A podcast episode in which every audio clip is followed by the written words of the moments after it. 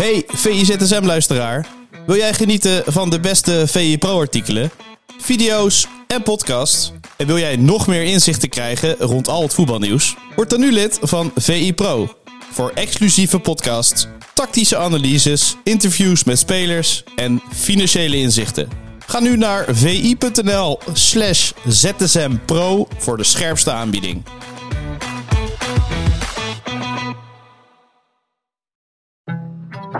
Beste luisteraars van VI ZSM.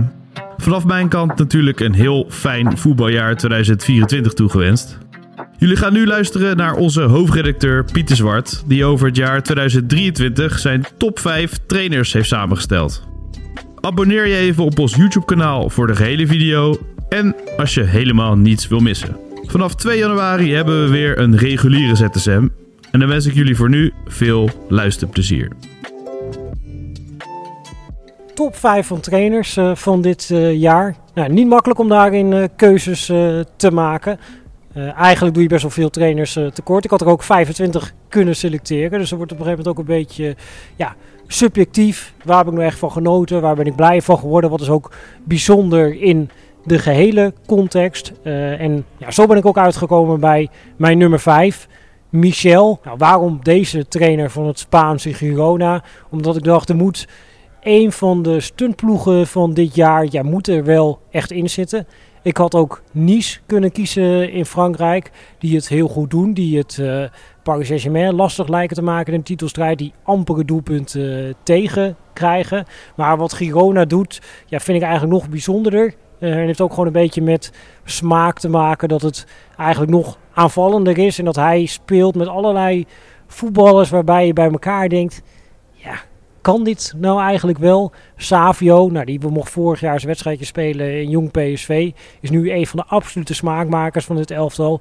Daily Blind, nou, die werd naar de achteruitgang gedrukt bij Ajax uh, een jaar geleden. Staat daar in de basis. Eric Garcia niet goed genoeg bevonden bij uh, Manchester City. Daarna niet snel genoeg voor Barcelona. En die zet je dan centraal achterin samen met Blind. Die toch ook allemaal niet meer uh, kon belopen. Ja, en dan ga je gewoon voetballen. Uh, en dan zie je het team uh, spelen. En dan is dat gewoon uh, ja, waanzinnig indrukwekkend. Scoren heel makkelijk. En ja, dat zij nu meedoen in de Spaanse titelrace, dat slaat eigenlijk helemaal nergens op. en dat ze dat toch voor elkaar krijgen.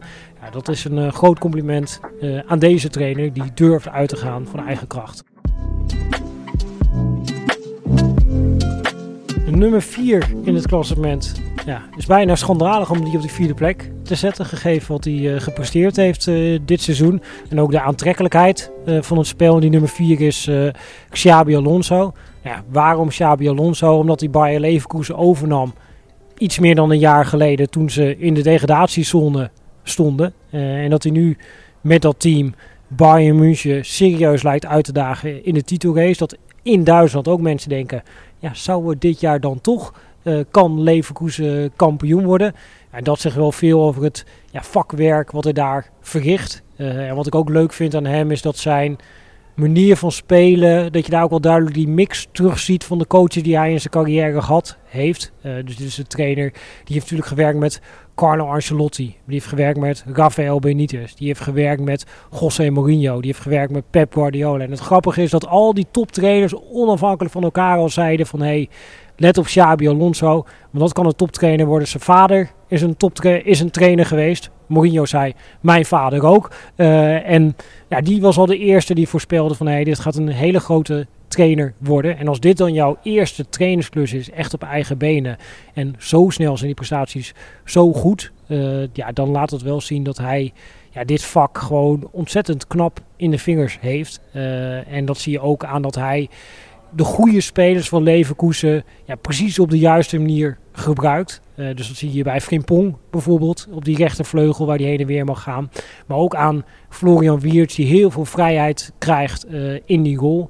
En wat ik ook heel goed vind aan Leverkusen is dat ze afgelopen zomer, dat dus duidelijk was dat Xavi Alonso precies begreep hoe hij wilde spelen en welke spelers hij nog nodig had om dit elftal de volgende stap te laten zetten. Dat hij dacht, hé, hey, Grimaldo, een offensieve linksback, die heb ik eigenlijk nodig. Die kunnen we oppikken bij uh, Benfica. Dat maakt mijn elftal sterker. Xhaka, die nou, vorig jaar goed was bij Arsenal. Maar daar ja, eigenlijk een beetje op een zijspoor kwam. Omdat ze natuurlijk van plan waren om uh, te investeren in uh, Declan Rice. Wat ook een geweldige investering uh, is gebleken. Maar dat je dan weet, hey, dit is een ervaren speler. Dit is een leider op het middenveld. Die kan de Palacios die naast hem speelt, kan die nog sterker maken. Die kan het elftal sturing geven. Bam, die zet ik ertussen. Boniface, ik heb een spits nodig. Aanspoelpunt, snelheid, diepte. Uh, en dat je weet, als ik die paar spelers toevoeg, Jonas Hofman, een hele slimme aanvallende middenveld. Een beetje in de geest van Thomas Müller, die altijd een beetje tussen die linies beweegt, maar ook juist wegbeweegt bij de bal. Terwijl Florian Wiertz het liefst altijd in de bal wil bewegen. Ja, dan weet je ja, welke combinaties je moet maken in je elftal om dat elftal sterker te maken. En dat Alonso dat zo heel vakkundig in elkaar uh, heeft gezet, ja, dat laat voor mij zien dat hij een absolute vakman is. En ik denk dat we van de trainer Xabi Alonso nog heel veel gaan horen. De nummer drie in mijn lijstje is de man die uh, Feyenoord weer eens kampioen van Nederland uh, maakte, Arne Slot. Ja, ik denk dat wat Feyenoord dit kalenderjaar heeft laten zien dat het uh, heel erg indrukwekkend uh, is. Uh, in de Europa League hebben ze natuurlijk eigenlijk hartstikke goed gepresteerd. Het ging op het laatste moment mis tegen AS Roma. Dus ja, ze pakken het kampioenschap. wat natuurlijk een hele knappe prestatie is. Zeker als je ook het punt pakt dit kalenderjaar. Ja, hij heeft in dit kalenderjaar is hij begonnen met het trainingskamp tijdens het WK. Heeft dat elftal in elkaar laten vallen. En daarna krijg je een zomer waar toch weer spelers vertrekken. Dus met Simanski en Kukcu ja, is eigenlijk twee derde van je middenveld is er weer vandoor. Je moet een nieuw team gaan samenstellen. En als je dan weer ziet ja, welke ontwikkelingsspelers onder hem maken. Uh, dus dat gaat van Hardman als linksback die offensief sterker is uh, dan ooit. Tot Quinten Timber die de rol van Kukcu op het middenveld is gaan pakken. Tot Kelvin Stenks, die we in Nederland eigenlijk hadden afgeschreven toen hij terugkwam naar Feyenoord. Dat veel mensen dachten, ja, moet Feyenoord worden ze nou echt sterker van Kelvin Stenks. Uh, en dat hij vervolgens ja, lange tijd bovenaan stond in de Champions League qua kansen creëren. Ja, dat laat wel zien dat Slot ja, spelers laat renderen, spelers laat presteren. Jiménez, als ze dit een jaar geleden hadden opgenomen, was hij nog de tweede spits achter Danilo, omdat hij niet kon leveren in het druk zetten en het meevoetballen wat eigenlijk nodig was. Nou, kijk welke stappen hij nu heeft gezet uh, en hoeveel geld uh, hij nu waard is. Ja, dat is wat de trainer als slot doet voor Feyenoord. Wat ze jarenlang niet hebben voor elkaar gekregen met een nieuwe stadion dat er moest komen. Heeft slot in een paar jaar voor elkaar gekregen door zoveel ja, waarde te creëren op het veld, zoveel spelers beter te maken. Feyenoord een duidelijke identiteit uh, te geven. Ja, dat het gewoon echt heel goed klopt uh, op dit moment. Uh, en daar is hij denk ik uh, ja, de hoofdverantwoordelijk voor. Alleen, ja, hij heeft te maken op dit moment in de Eredivisie met het team ja, wat nog beter presteert. Het gekke is dat Feyenoord op dit punt in het seizoen ja, eigenlijk op alle vlakken beter is dan vorig seizoen op dit punt. Alleen je hebt gewoon te maken met een ja, rivaal die sterker is. Als dit in de zomer was opgenomen, had ik misschien slot op één gezet. Maar nu moet hij doen met een podiumplek. Nummer 2 in het lijstje is uh, Pep Guardiola. Omdat hij eindelijk uh, de Champions League uh, gewonnen heeft met Manchester City. en ja, natuurlijk ook in alle competities goed gepresteerd heeft.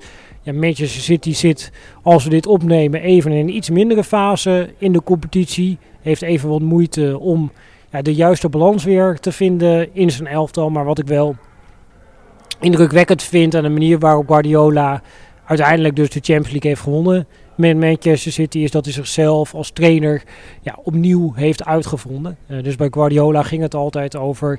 Hij heeft ooit tegen Xavier Mascherano gezegd, uh, destijds middenvelder, zet hij in één keer achterin bij Barcelona. Joh, als jij wil begrijpen waarom ik jou achterin zet, wacht maar totdat je zelf trainer wordt. Dan ga je ook alleen maar middenvelders willen opstellen.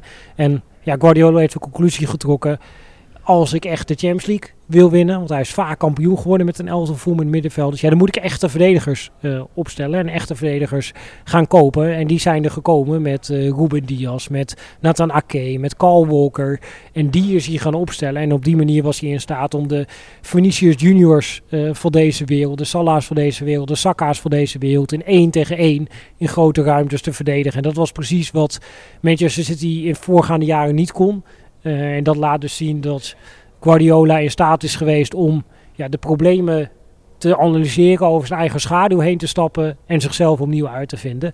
En wat dat betreft ligt voor hem natuurlijk ook een mooie uitdaging weer in het nieuwe jaar. En daar ben ik ook wel nieuwsgierig naar van hey, de prestaties van City worden even weer wat minder. Ja, zijn ze dan nu weer in staat om toch weer een nieuwe oplossing te vinden, die dan uiteindelijk weer ja, door coaches over heel de wereld uh, gekopieerd uh, gaat worden. Zoals je nu alweer ziet gebeuren met uh, ja, de backs die in de opbouw een derde centrale verdediger uh, worden. Ja, dat zie je nu overal in Europa. Maar voordat Pepe deed, gebeurde het nergens. Uh, en dat laat zijn invloed zien ja, op de voetballerij. En daarom hoort hij ook thuis, wat mij betreft, in de soort lijstjes. Ja, de nummer 1 in mijn lijst is de enige trainer, denk ik, uh, ter wereld die dit jaar al zijn competitiewedstrijden gewonnen heeft. En dat is uh, Peter Bos. En ja, hoe die het bij PSV voor elkaar gekregen heeft om razendsnel dat elftal naar zijn hand te zetten. En dat elftal te laten spelen volgens zijn uh, filosofie. Dat had ik eerlijk gezegd zelf ook niet verwacht. Dat dat zo snel en zo makkelijk zou gaan als dat het nu daadwerkelijk is gegaan. ja, en daarmee toont hij ja, vakmanschap dat denk ik ook wel echt is aangescherpt uh, in zijn buitenlandse periodes. Uh, en dat zit uiteindelijk in ja, detailniveau, hoe hij dat ja, verwerkt heeft, bijvoorbeeld in de voorbereiding van PSV. Dus vroeger, Bos wordt altijd natuurlijk van gezegd, is een aanvallende trainer, is een naïeve trainer. Maar vroeger richtte hij altijd bijvoorbeeld de eerste twee weken van de voorbereiding, dan ging het bij Bos alleen over verdedigen en de verdedigende principes inslijpen. In het buitenland leerde hij, oké, eigenlijk moet ik dit wat meer mixen. Uh, dus ik moet ook al in mijn eerste week twee aanvallende principes uh, introduceren. En daarna steeds nieuwe aanvallende en verdedigende principes uh, toevoegen. dus hij is op een ja, andere manier begonnen en heeft dus ook meteen het aanvallen erbij gepakt en het verdedigen, waardoor die ja, ontwikkeling sneller ging. Maar ik denk dat ook een belangrijk element daarin is het conditionele aspect dat hij gezien heeft in het buitenland. Leverkusen was daar natuurlijk echt een voorloper in. Uh, het is de pillenclub, dus daar zit iemand achter. Uh, ja, die zit uh, in de medicijnenbusiness en die wil maar één ding. Mijn team moet het fitste team zijn van de Bundesliga en dat mag kosten wat het maar ja, mag kosten. dus die portemonnee voor dat aspect is ja, enorm uitgebreid. en ja, daar heeft Bos wel van geleerd tot achter de komma. Samen met zijn fysiekspecialist uh, Terry Peters, die ook is meegegaan naar PSV. Ja, wat het vraagt om op zijn manier uh, te spelen. Uh, en die waardes heeft hij op een hele mooie manier ja, naast de spelers van PSV kunnen leggen. Om die ook heel snel ja, conditioneel op dat niveau te krijgen. En daarmee ja, kunnen ze qua intensiteit, dan zag je al tijdens de Johan Cruijffschaal, Feyenoord matchen. en dat is denk ik een ander aspect wat Bos wel echt heeft toegevoegd. En het derde is dat je ziet dat hij in bepaalde aspecten dat hij ja, soms wat realistischer is geworden. Dus als we tegen Lans spelen in de Champions League. En die zetten één op één druk over het hele veld. Ja, vroeger was Bos misschien gaan opbouwen. Ja, nu hanteerde hij die toch op een gegeven moment de lange bal. Hij begint tegen Feyenoord wel met Schout als centrale verdediger. Maar als hij weet, oh ja, slotfase. Ze gaan er echt voor uh, bij Feyenoord. Komt toch nog even een Maljo erin om ja, die overwinning uh, over de streep te trekken. En die combinatie, ja, dat past denk ik uh, ja, heel erg goed. Aan de ene kant heeft hij nog echt zijn eigen identiteit. En aan de andere kant heeft hij daar wat dingen aan toegevoegd die in het verleden ja, misschien minder had. Uh, en het resultaat daarvan is dat PSV in de Eredivisie alles wint. en ik zat na te denken, ja, wie moet ik op één zetten? Nou ja, we hebben er nu vijf genoemd. ik had dus ook 25 namen kunnen noemen qua trainers. Alleen, ik kom bij Bos dus geen argument vinden om hem niet op één te zetten. Want dit kalenderjaar heeft hij letterlijk iedere wedstrijd gewonnen. Ja, met welk, en hij heeft overwinterd met de Nederlandse club in de Champions League. Wat ook enorm zeldzaam is. Ja, met welk argument ga ik hem op een andere plek zetten dan uh, op één? Ja, bestaat denk ik uh, eigenlijk uh, niet. dus nou ja, om die reden, ja, Bos op één.